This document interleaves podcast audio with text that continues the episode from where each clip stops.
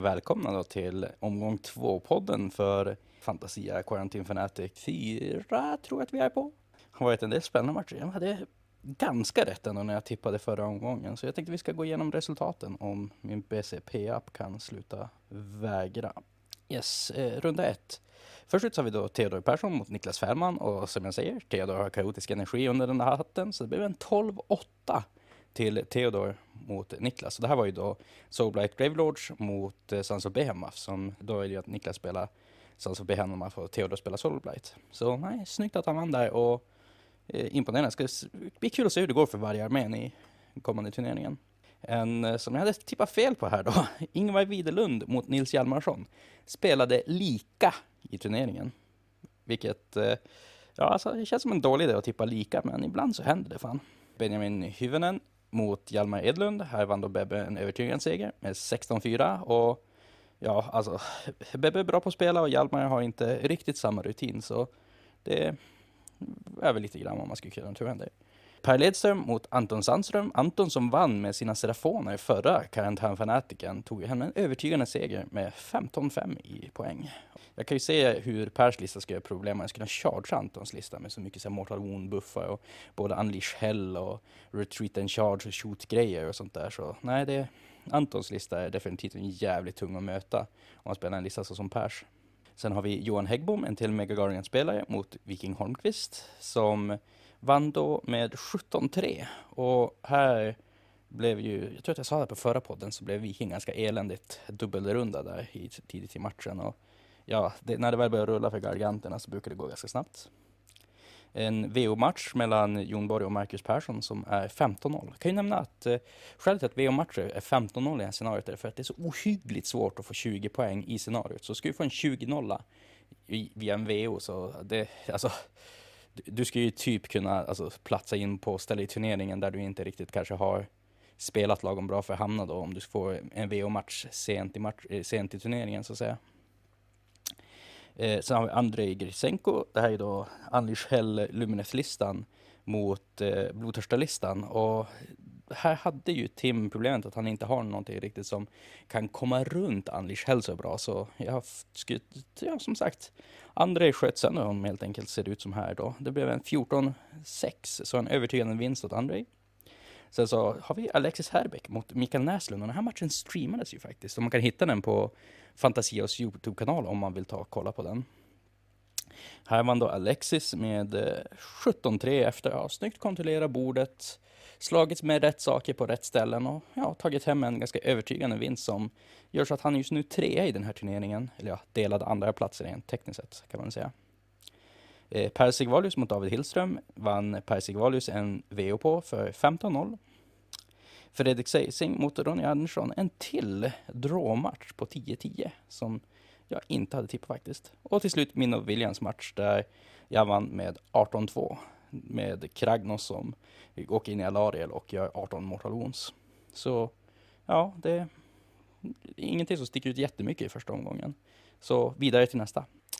Eh, scenariot i nästa omgång är då survival of the fittest, vilket betyder att det är en sned deployment som är krånglig och eländig med tre objektiv i mitten.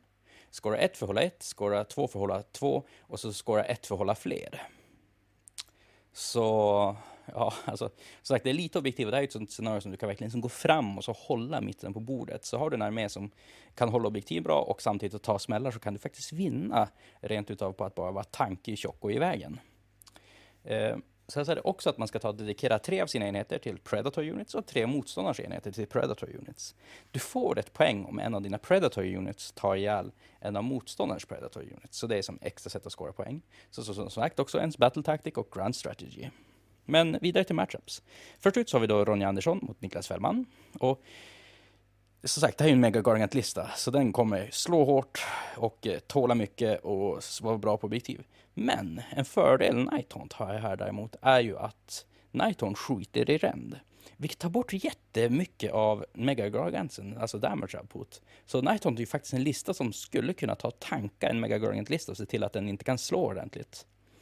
That being said så spelar ju faktiskt Niklas en Taker Tribe, vilket gör att han är värd oändligt, eller ja, inte oändligt många, men skitmycket modeller med alla sina modeller på alla objektiv. Så ska han fram och ställer sig redigt med typ en stor jätte på varje stor objektiv och små som står där och backar upp så är det svårt att ta objektiv ifrån honom. Så här är det väldigt mycket om vem som får första rundan faktiskt tror jag. Och det är förmodligen värt, även om man riskerar få en dubbelrunda, att för jättarna att ta första rundan om de får dem. Och bara som gå in och tåa på objektiven och kanske screena upp lite grann med någon mindre jätte och bara stå där och hålla objektiven och scora och grinda poäng och neka Nighthorn för att ta scenariopoäng överhuvudtaget. Två så har vi en till eh, Megagarde-spelare, Johan Häggmon mot Benjamin Hyvönen. Och här har vi då en Nurgle-armé som också är fruktansvärt tankig och kan göra mycket Mortal Wounds tillbaka som går mot en Megagargant-lista. Jag tror att eh, Johan tar utdroppar Benjamin i den här så ska vi se här bara snabbt vad, hur många drops Bebe har. Ja, han spelar då alltså en Hunters of the Heartland och ingen eh, vad heter det? Han har inte lagt in sina bataljoner, men han verkar spela en Hunters of the Heartland och en Warlord, så han har all out drop. Så det är Johan som väljer vem som går först här. Så kan det vara värt att gå fram, ställa sig på objektiven eller riskera för en dubbelrunda. För Bebbes lista har ju ändå mycket resurser för att gå in och slå tokjävla dunderhårt med som till exempel flugorna eller plaguebirds eller vad som helst. Så de faktiskt skulle kunna gå in och sänka en megagargant. Så ja, det... Ja, alltså det är ju ändå en mega lista men jag tror ändå Nurgle-listan har mer fördel här än i förra matchupen för Nighthaunt. För Nighthaunt, när de väl börjar dö så är de bräckliga. Men Nurglisten har som andra typer av tankigheter så att de bara kan som stå och ha tärningen på sin sida och summona fler och fler saker. Så nej, jag skulle ändå ge fördel till Nurglisten här. Men som sagt, väldigt mycket hänger på första initiativet och hur de spelar runt det. Så it's anyone's game really. Sen har vi Alexis Herbeck mot Henrik Gunillasson och här har vi då Armor i Stormcast mot Kragnos. Och jag tror att mycket Alexis lista, eller nej, nu skojar jag bara. Han gör jättemycket motions både med Vindictors, Annihilators och Evocators. Så han har många sätt att ta hand om Kragnos. Så nej, så Kragnos är nog inte super, super bra mot den här listan, utan det är väl i så fall mera typ Frostlorden och Getisarna som kommer stå i vägen och hålla objektiva saker som faktiskt kan göra stuff. Men eh, det känns ju onödigt att tippa mot mig själv, så kanske inte ska tippa på Alexis i alla fall. Så vi, vi lämnar det osagt tills vidare och eh, går vidare till nästa. Här har vi då Tim Ehrens mot Per Ledström. Så det är Bellacore Slaves to Darkness mot jättemycket blodtörstare, Blades of Corn.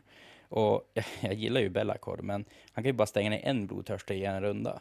Och han, ja, det kommer mycket fler blodtörstare. Det känns som att eh, Tim har definitivt damage outputen i den här armén.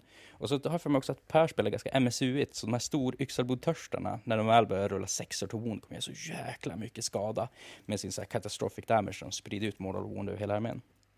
Eh, per Sigvalius mot Andrei Gritsenko och Per spelar Legion of the First Prince med Bellacore mot Andrei med eh, Teklis och mycket, vad heter det för någonting, Anish Hellpojkar. Och om det finns ett skäl till varför man tar med Bellacoy i sin lista så är det ju faktiskt på grund av Teklis. Och här känns det som att Percy Valius har förberett sig mycket på att möta den här typen av armé. Så jag tror ändå att jag måste nog lägga oddsen här på eh, att Bellacore tar och out Teklis är Teklis helt enkelt. Så har vi Fredrik Seising mot Ingvar Widerlund. Här har vi ju Bebbes Nighthawks-listan har byggt som ska möta den här snabba Lumineth-listan. Ja, problemet för Nighthaunt är ju att Lumineth gör skitmycket Mortal Wounds. Så det känns som att Lumineth har en definitiv fördel i den här matchupen. Att de både kan gå fram och tankiga på objektiven och vinna fighterna. Sen har vi Marcus Persson mot David Hillström och ja, jag fick inte riktigt någon känna av de här från förra omgången för ingen av dem spelade och båda var VO-matcher så ja, vi får väl se Eh, next up så har vi Theodor Persson mot Nils Hjalmarsson. Och här har vi då Solbright Gravelords-listan som jag tror ska svårt mot Mega Gargant-listan i förra omgången. Mot en Sench-lista. Det här är ju en ofantligt mycket bättre matchup i förhållande till scenariot för Theodor. För han har så här stora saker han faktiskt vill ta dedikera som predatorenheter för att gå in och börja ta jaga ner saker. Och han har ju också så en lista som är väldigt bra på att summona fram saker och vara i vägen och ta fram vargar och hålla på. Så definitivt att det här är en bra, ett bra scenario och en bra motståndare för Soulblight Gravelord. Så jag måste nu kanske ta och tippa på Theodor i den här. Sen har vi Viking Holmqvist mot eh, William Nygren. Och här är det ju det stora hotet för Vikings lista är ju det här 20 med Iron Rakes. Men kan Alariel fixa det? Jag tror att Alariel med alla buffs tar inte och dör på en runda till eh, Iron Drake-blocket och då måste han börja ta dedikera sina hammers också. Så med lite fin screen och eh, lite bra spel så tror jag definitivt att eh, Alariel kan komma in på rätt ställe och bara tugga sig igenom eh, dvärglistan. Så jag måste nog ge det till Sylvanes i den här omgången. Sen har vi Anton Sandström med sina Serafoner, sin skinklista, mot Jon Borg. Och vi ska ju faktiskt ta streama den här matchen till veckan och den kommer dyka upp att vi streamar den live på Twitch och sen på Youtube om ni vill ta och kika på den. Och det här ska bli en ofantligt spännande match. För Jon har ju en väldigt, väldigt tankig Sylvanef-lista med mycket bra moment. Men that being said så har ju faktiskt Serafonlistan oändligt många sätt att göra Mortal Wounds ifrån sig. Vilket innebär att han bara går rakt runt Jons armor. Men ja, som sagt, kan Jon hantera elementen som Tark gör Mortal Wounds eller ta Anton och lyckas ta bringa dem, alltså bring them to bear, vad nu det är på svenska, och ja, gå runt all armor save och bara wipa Sylvanes-listan. Det ska bli spännande att se och som sagt, kolla in på Youtube senare eller när vi tar livestreamen den på Twitch för att se hur det går i den matchen. Och så har vi Hjalmar Edlund mot Mikael Näslund och här är det ju Big Wag-listan mot Orger-listan med 12 Iron Guts. Och Orki vill ju in och bråka. Men vill de verkligen in och bråka mot 12 Iron Guts med alla möjliga blood gullet-buffar? Är fan frågan. Så nej, jag tror att jag skulle vilja ge fördel till Mikael Näslund i den här. Samt också att det är bara tre objektiv på bordet den här gången, så att det blir lättare för han att verkligen ta och bunkra upp objektiven.